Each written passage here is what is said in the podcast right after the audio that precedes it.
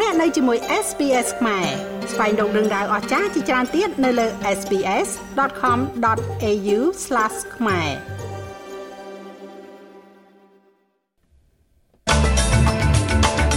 អ៊ីស្រាអែលបើកការវិឆ្មក់ទៅលើមន្ទីរពេទ្យ Nasser នៅហ្គាហ្សាអត្រាគ្មានការងារធ្វើនៅអូស្ត្រាលីឡើងដល់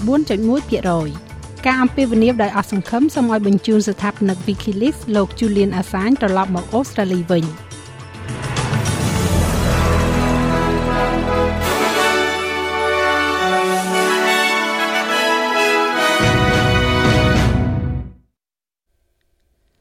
កងកម្លាំងអ៊ីស្រាអែលបានវាយលុកចូលក្នុងមន្ទីរពេទ្យ Nasser ក្នុងទីក្រុង Khan Yunis ដែលជាមន្ទីរពេទ្យធំមួយនៅភាគខាងត្បូងតំបន់ Gaza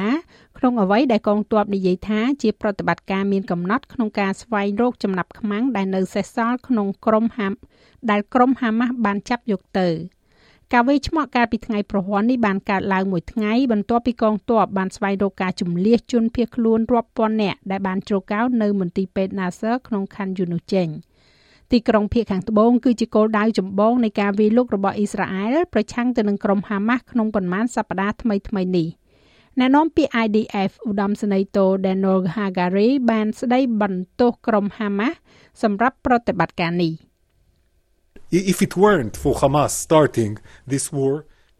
ប្រសិនបើមិនមែនដោយសារតែក្រុមហាម៉ាស់ចាប់ផ្ដើមសង្គ្រាមនេះទេដោយចាប់ចំណាប់ខ្មាំងរបស់យើងហើយលាក់ខ្លួននៅក្នុងមន្ទីរពេទ្យនេះទេ យើងនឹងមិនចាំបាច់ត្រូវនៅក្នុងមន្ទីរពេទ្យនេះតាំងពីដំបូងមកម្ល៉េះហាម៉ាស់បានចាប់ផ្ដើមសង្គ្រាមនេះអ៊ីស្រាអែលនឹងបញ្ចប់សង្គ្រាមនេះជាមួយគ្នានេះវិជ្ជបណ្ឌិតប៉ាឡេស្ទីនម្នាក់បានចែករំលែកវីដេអូពីខាងក្នុងមន្ទីរពេទ្យ Nasser ក្នុងតំបន់ហ្គាហ្សាភាគខាងត្បូងនៅពេលដែលទាហានអ៊ីស្រាអែលចូលទៅក្នុងអគារវីដេអូដែលត្រូវបានផ្ទៀងផ្ទាត់ដោយ Reuters នេះបង្ហាញពីអ្នកជំងឺដែលរងរបួសត្រូវបានគេបញ្ជូនទៅរកផ្សែងនិងកំទេចកំទី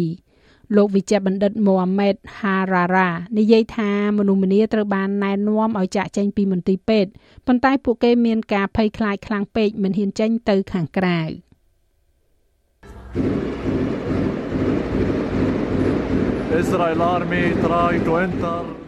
កងទ័ពអ៊ីស្រាអែលបានព្យាយាមចូលមន្ទីរពេទ្យ Nasser ឥឡូវនេះកងទ័ពអ៊ីស្រាអែលបានបង្ខំមនុស្សរបស់ខ្ញុំឲ្យចាក់ចេញពីមន្ទីរពេទ្យឥឡូវនេះ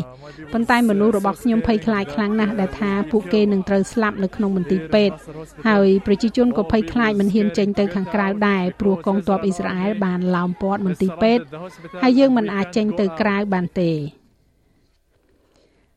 គណៈបកប្រឆាំងមានការព្រួយបារម្ភអំពីស្ថានភាពសេដ្ឋកិច្ចរបស់ប្រទេសអូស្ត្រាលីដោយអត្រាគ្មានការងារធ្វើបានកើនឡើងដល់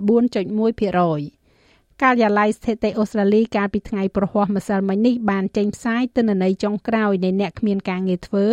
ដោយរាយការណ៍ពីអត្រាគ្មានការងារធ្វើឡើងលើសពី4%ជាលើកដំបូងក្នុងរយៈពេល2ឆ្នាំធនាគារកណ្ដាលកំពុងព្យាករណ៍ថាអត្រានៃអ្នកគ្មានការងារធ្វើអាចឈានដល់4.4%នៅចុងឆ្នាំនេះ។ មេដឹកនាំគណៈបកប្រឆាំងលោក Peter Dutton បានប្រាប់ទូរទស្សន៍ប៉ូលីស9ថាបក Labor ត្រូវធ្វើការងារបន្ថែមទៀតដើម្បីកែលម្អសេដ្ឋកិច្ចទាំងមូលរបស់ប្រទេសអូស្ត្រាលី If you haven't got a job Uh, the tax cuts uh, don't matter to you at all. So ប្រសិនបើអ្នកមិនទាន់មានការងារធ្វើទេនោះការកាត់បន្ថយពន្ធវាមិនសំខាន់ចំពោះអ្នកតតែសោះដូច្នេះខ្ញុំពិតជាព្រួយបារម្ភអំពីទីកន្លែងដែលសេដ្ឋកិច្ចនេះត្រូវបានដឹកនាំទៅ។ នៅក្នុងរដ្ឋ Victoria វិញលោកស្រីអភិបាលរដ្ឋ Jacinda Allen បាននិយាយថាយ៉ាងហោចណាស់ទ្រព្យសម្បត្តិចំនួន44ខ្នងត្រូវបានបំផ្លិចបំផ្លាញដោយភ្លើងឆេះព្រៃនៅ Pulmonol ក្នុងឧទ្យានជាតិ Grampians ក្នុងរដ្ឋ Victoria ដោយមានការភ័យខ្លាចថាចំនួនអាចនឹងកើនឡើងផ្ទះមួយខ្នងក៏ត្រូវបានបាត់បង់ផងដែរនៅ Adelswell Bridge អ្នកស្រុកនៅ Pomono និង Deathwell Bridge នៅភាគខាងលិចនៃរដ្ឋ Victoria កំពុងតែរៀបចំដើម្បីត្រឡប់ទៅកាន់ទ្រព្យសម្បត្តិផ្ទះសម្បែងរបស់ពួកគេវិញខណៈដែលកម្រិតនៃការគំរាមកំហែងភ្លើងឆេះព្រៃនៅតែបន្តធ្លាក់ចុះសមាជិកសភានៅក្នុងតំបន់លោកស្រី Emma Kelly និយាយថាការវាយតម្លៃបន្ថែមទៀតបានបង្ហាញថា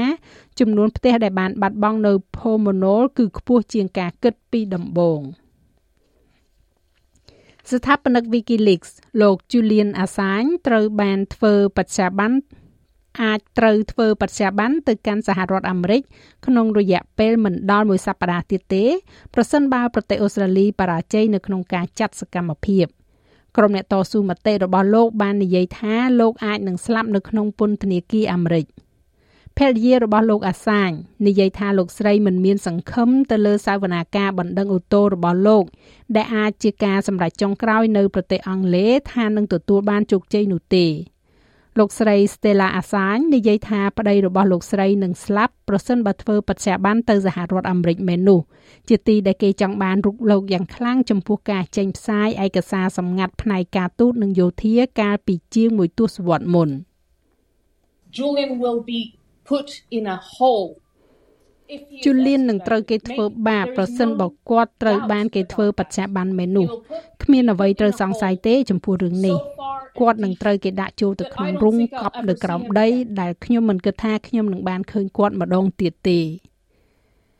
សភាតំណាងរាស្ត្របានអនុម័តញត្តិមួយកាលពីថ្ងៃពុធដោយជំរុញឲ្យរដ្ឋាភិបាលសហរដ្ឋអាមេរិកនិងចក្រភពអង់គ្លេសអនុញ្ញាតឲ្យលោកអាសាញត្រឡប់មកអូស្ត្រាលីវិញ។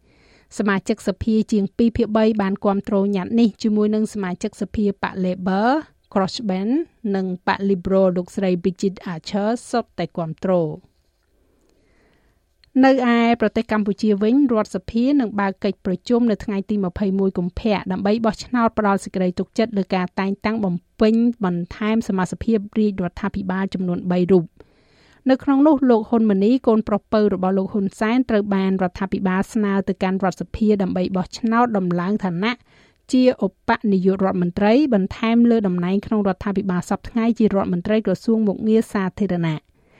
ការតែងតាំងបំពេញបន្ថែមសមាជិករដ្ឋាភិបាលចំនួន3រូបនោះមាន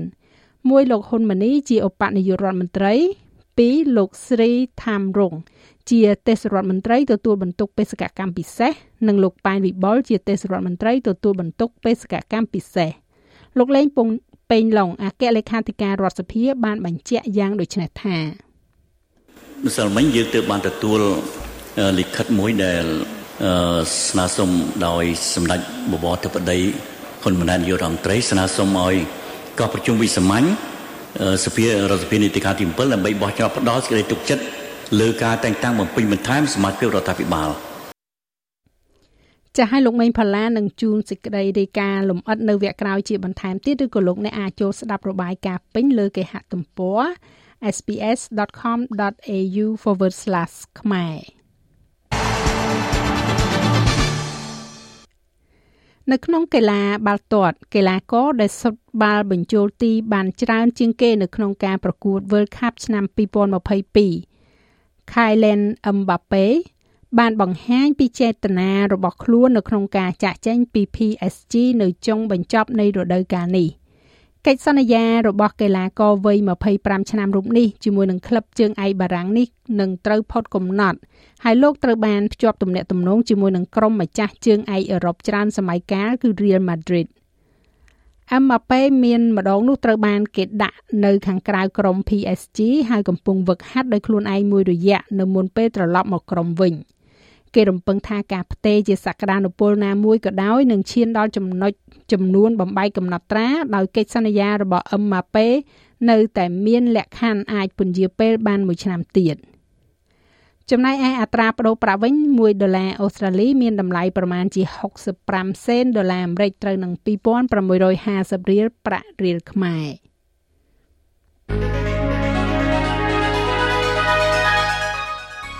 យើងក៏លេខមកមើលការព្យាករណ៍អាកាសធាតុសម្រាប់ថ្ងៃសៅរ៍ស្អែកនេះវិញ ទីក្រុងផឺតបើកថ្ងៃ36អង្សាអាដាលេដស្រដៀងគ្នានេះដែរ33អង្សា នៅមែលប៊នមានពពកដោយពេល26អង្សា ដូចគ្នានៅហូបាត26អង្សា Canberra រលឹមបន្តិចបន្តួចអាចនឹងមានព្យុះ30អង្សា នៅ Sydney រលឹមបន្តិចបន្តួច29អង្សា អាចនឹងមានរលឹមផងដែរនៅ Brisbane 30អង្សារលឹមដូចគ្នានៅ Cairns 30អង្សា នៅ Darwin រលឹមបន្តិចបន្តួច33អង្សា និងនៅទីក្រុងភ្នំពេញ មានពពកដោយពេល34អង្សា